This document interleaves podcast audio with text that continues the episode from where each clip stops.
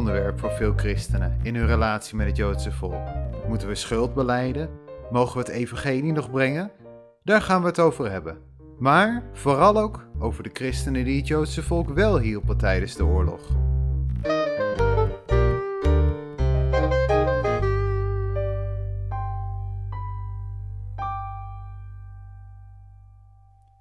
Shalom. Fijn dat je luistert naar deze podcast van Israël de Bijbel. Mijn naam is David van Wijk. De komende tijd staan veel mensen stil bij de Holocaust. 21 april is het Yom HaShoah, de jaarlijkse herdenkingsdag voor de Shoah. Shoah is de aanduiding die het Joodse volk voor de Holocaust gebruikt en betekent letterlijk catastrofe. Niet veel later komen onze 4 en 5 mei. Gelukkig staan nog steeds mensen stil bij deze verschrikkingen, want we moeten blijven herinneren wat het Joodse volk is aangedaan, zeker in deze tijd waarin het antisemitisme opnieuw toeneemt. De Holocaust is voor veel christenen een gevoelig onderwerp. Misschien herken je dat wel. Er is ook een hoop misgegaan in de kerkgeschiedenis en ook tijdens de Holocaust.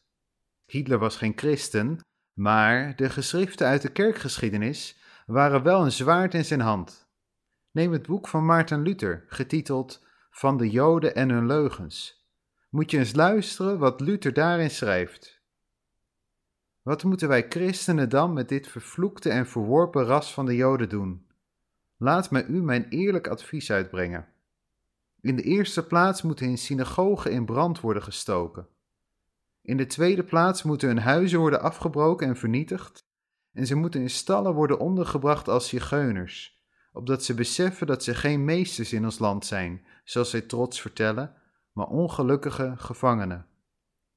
Nou, niemand heeft dit advies van Luther letterlijker opgevolgd dan Hitler zelf. En zelf zegt Hitler later tegen twee bisschoppen: 1500 jaar heeft de katholieke kerk de Joden als parasieten beschouwd en hen naar de ghetto verbannen. Zij wisten wat ze aan de Joden hadden. Ik sluit me alleen maar aan bij wat er al 15 eeuwen gedaan is. Misschien bewijs ik het christendom de grootste dienst. Misschien heb je daarnaast ook wel gehoord van hoe sommige kerken zelfs meewerkten met de Duitsers. Christenen zwegen over wat hun Joodse buren werd aangedaan en keken ervan weg. Nou, mocht je hier weinig van weten, dan zou ik je willen aanmoedigen. Zorg dat je er eens over leest. Er zijn genoeg boeken over.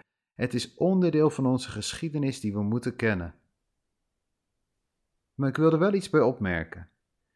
Veel christenen die deze geschiedenis hebben bestudeerd, concluderen vervolgens: omdat dit is gebeurd, hebben wij geen recht van spreken meer richting het Joodse volk.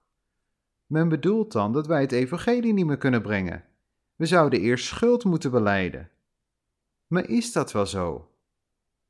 Om te beginnen moeten we ons afvragen of we dan werkelijk begrijpen wat het evangelie is. Wordt het goede nieuws beter of slechter door wat mensen doen? Is het minder belangrijk geworden door de Holocaust? Paulus heeft het ook over een schuld die we hebben richting het Joodse volk, maar wel over een hele andere schuld. Ik citeer Romeinen 1, vers 14 tot 16. Ik sta in de schuld bij Grieken en niet-Grieken Joden dus, bij wijze en onverstandigen. Zo is wat in mij is gewillig om ook die in Rome bent het evangelie te verkondigen.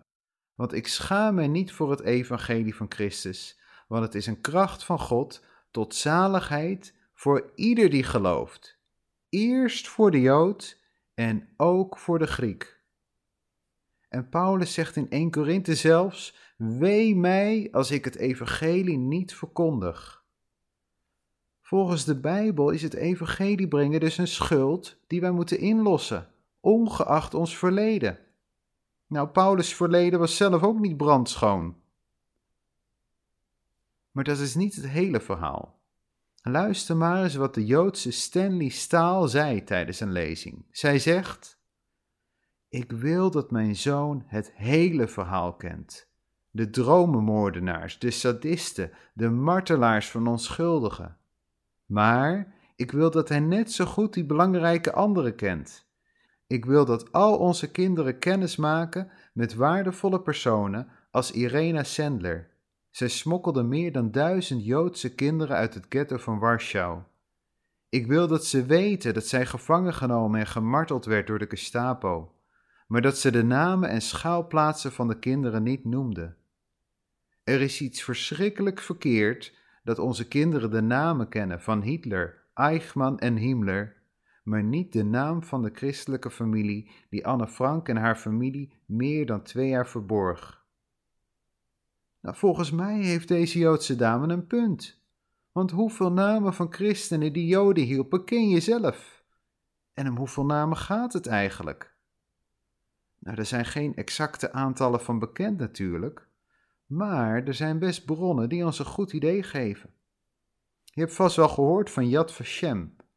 Dit Holocaust-herdenkingscentrum heeft ongeveer 26.000 mensen de onderscheiding rechtvaardige onder de volkeren toegekend.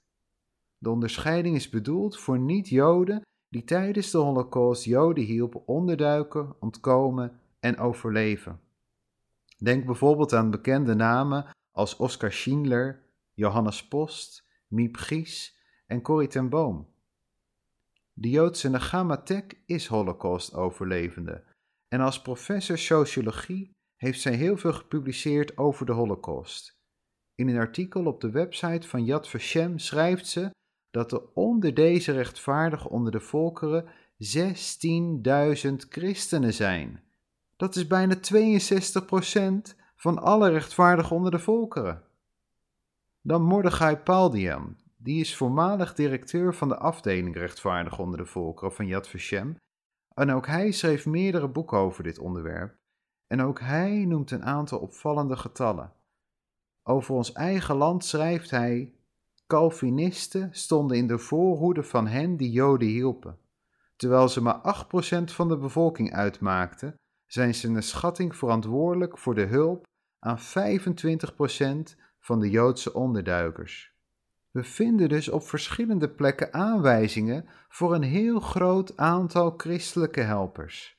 Maar zoals ik al zei, het exacte aantal is niet in getallen te vangen. En dat is niet alleen omdat er niet genoeg statistieken zijn, maar voor een erkenning door Yad Vashem moet je bijvoorbeeld worden aangedragen. En het is heel begrijpelijk dat veel voormalige onderduikers hun helpers nooit hebben aangedragen, omdat daarmee ook het pijnlijke verleden zou worden opgerakeld. En daarnaast zijn er helpers die geen onderscheiding willen, omdat ze zelf niet centraal willen staan. Wat zij deden was in hun ogen eenvoudig wat ze moesten doen. En naast de mensen die actief Joden hielpen, waren er ook nog die dat passief deden. In hun geval betekende zwijgen juist bescherming. Ik zal dat uitleggen. Rabijn Harold Schulweis die schrijft over hen: Toen ik eens sprak over de samenzwering van het kwaad, kwam er na afloop een Nederlandse man naar mij toe die Joodse mensen had gered. Hij vroeg mij waarom ik nooit sprak over de samenzwering van het goede. Denkt u, vroeg hij, dat ik Joodse families in mijn huis kon verbergen, zonder de actieve medewerking van de postbode, de melkboer en de buren?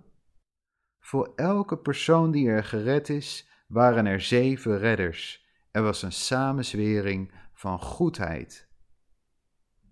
Nou, dat het aantal helpers groot is, is hiermee inmiddels wel duidelijk. Het is hoog tijd om een aantal van hun namen te noemen, de namen die zo vaak niet genoemd worden.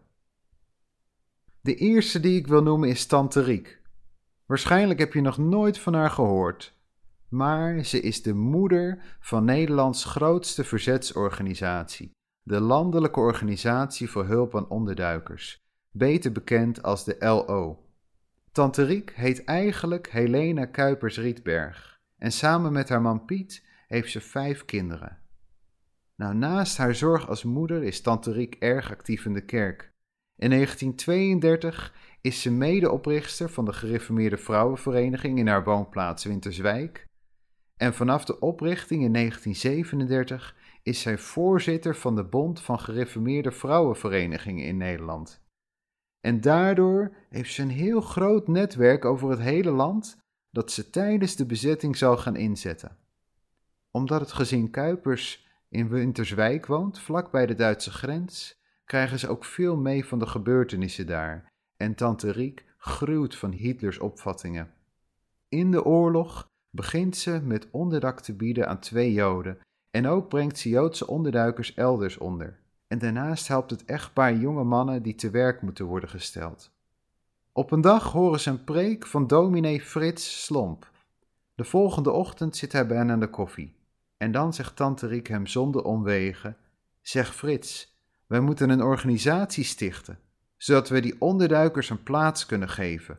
En nu dacht ik dat jij dat moest doen, dat je het land door moet om de mensen daar warm voor te maken.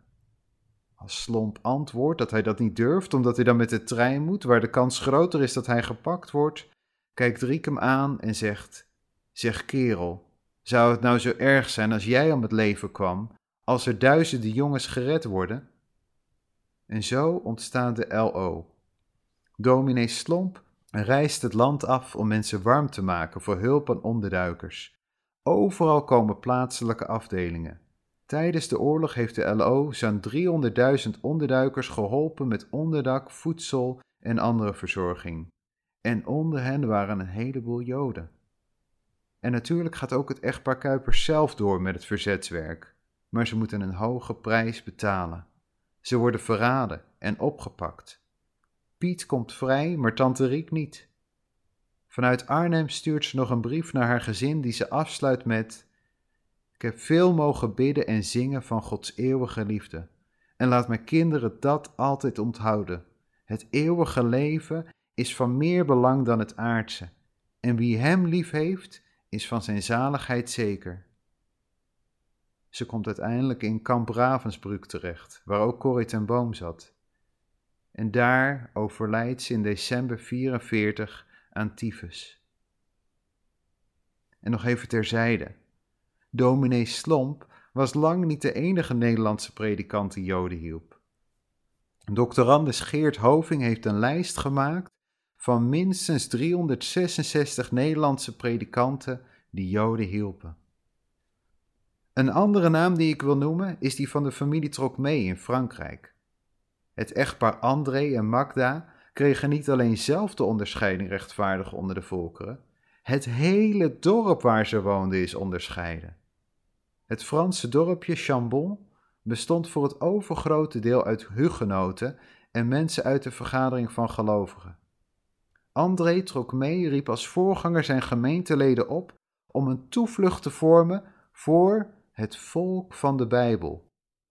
Zijn vrouw Magda zocht voor iedereen de juiste gezinnen uit. En als dorp redden ze 5000 mensen, waaronder 3500 Joden. Maar ook zij betalen een prijs. André wordt opgepakt samen met de medepredikant. Hij komt gelukkig na vijf weken vrij, maar Daniel trok mee, een neef van het echtpaar, wordt ook opgepakt door de Gestapo en komt om in kamp Majdanek. En later zegt André over zijn beweegredenen: De verantwoordelijkheid van christenen is om het geweld dat op hun geweten drukt te weerstaan met de wapens van de geest. En ook hier wil ik nog even een opmerking terzijde plaatsen, want na Chambon is er nog een dorp als geheel tot rechtvaardige verklaard, namelijk het Drentse Nieuwlanden. En ook in dit dorp speelde de kerk een belangrijke rol. En ook dit dorp herbergde honderden mensen, waaronder heel veel Joden. Dan de naam van Master Sergeant Roddy Edmonds. Zoals je misschien al vermoedt, gaat het om een Amerikaanse soldaat. December 44 zet hij voor het eerst voet op het Europese vasteland, als onderdeel van de 106e Infanteriedivisie. Slechts vijf dagen na zijn aankomst lanceren de Duitsers het Ardennenoffensief. En daarbij wordt Edmunds op 19 december 1944 krijgsgevangen genomen. Hij komt terecht in Ziegenhain, samen met zijn duizend andere Amerikaanse soldaten. En hij is de hoogste in rang. Op een nacht klinkt er door de luidsprekers van het kamp dat de volgende ochtend alle Joodse militairen buiten moeten aantreden. Maar in plaats daarvan geeft Edmunds als de hoogste officier de opdracht dat alle militairen zich buiten moeten opstellen. Als dat gebeurt, dan schreeuwt de Duitse commandant Ziekman naar Edmunds: Dit kunnen niet allemaal Joden zijn. Waarop Edmunds antwoordt: Wij zijn allemaal Joden. Siegmund trekt zijn pistool en richt het op de sergeant. Edmunds reageert: Volgens de conventie van Genève hoeven wij alleen onze naam, rang en nummer te geven.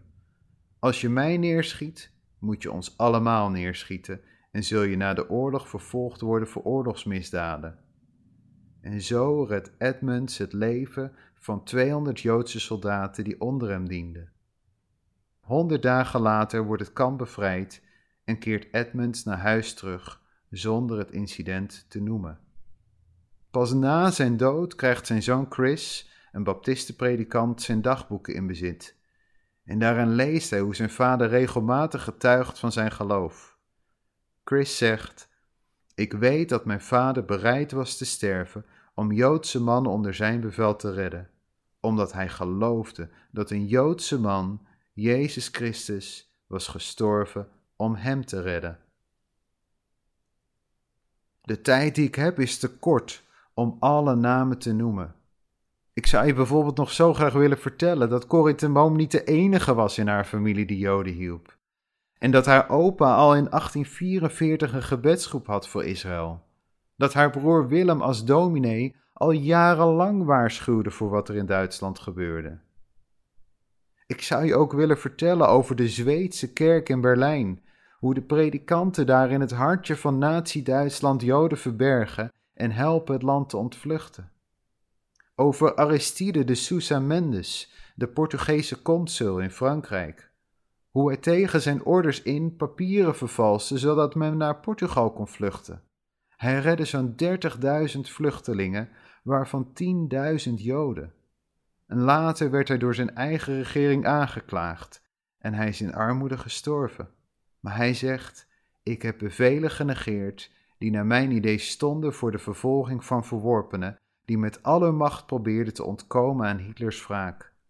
Boven deze bevelen stond voor mij Gods wet. Ik heb altijd geprobeerd die te volgen zonder aarzeling. De werkelijke waarde van het christelijk geloof is om je naaste lief te hebben. Zoals ik al aan het begin zei, het gaat om duizenden namen. En we kunnen ze niet allemaal noemen maar we moeten deze mensen herinneren. Maar deze mensen hebben ons ook iets te vertellen. Hun verhalen bewijzen dat de boodschap van de Bijbel niet beïnvloed wordt door de geschiedenis. De Bijbel is niet veranderd door de Holocaust of welke andere gebeurtenis ook. Voor deze personen was Gods woord de inspiratiebron om het Joodse volk juist te helpen, ongeacht de prijs die ze daarvoor moesten betalen en hun verhalen laten zien dat er een keuze is. En hun verhalen stellen ons voor die keuze. Staan we door schuld te beleiden in de lijn van de mensen die wegkeken en zwegen? Of zijn we net als deze gelovigen die wel in actie kwamen, bereid te doen wat God van ons vraagt in zijn woord? Laten we bidden dat mocht het ooit nodig zijn, dat God ons de genade geeft om in hun voetsporen te gaan. Ik wil je bedanken voor het luisteren en ik hoop tot ziens en shalom.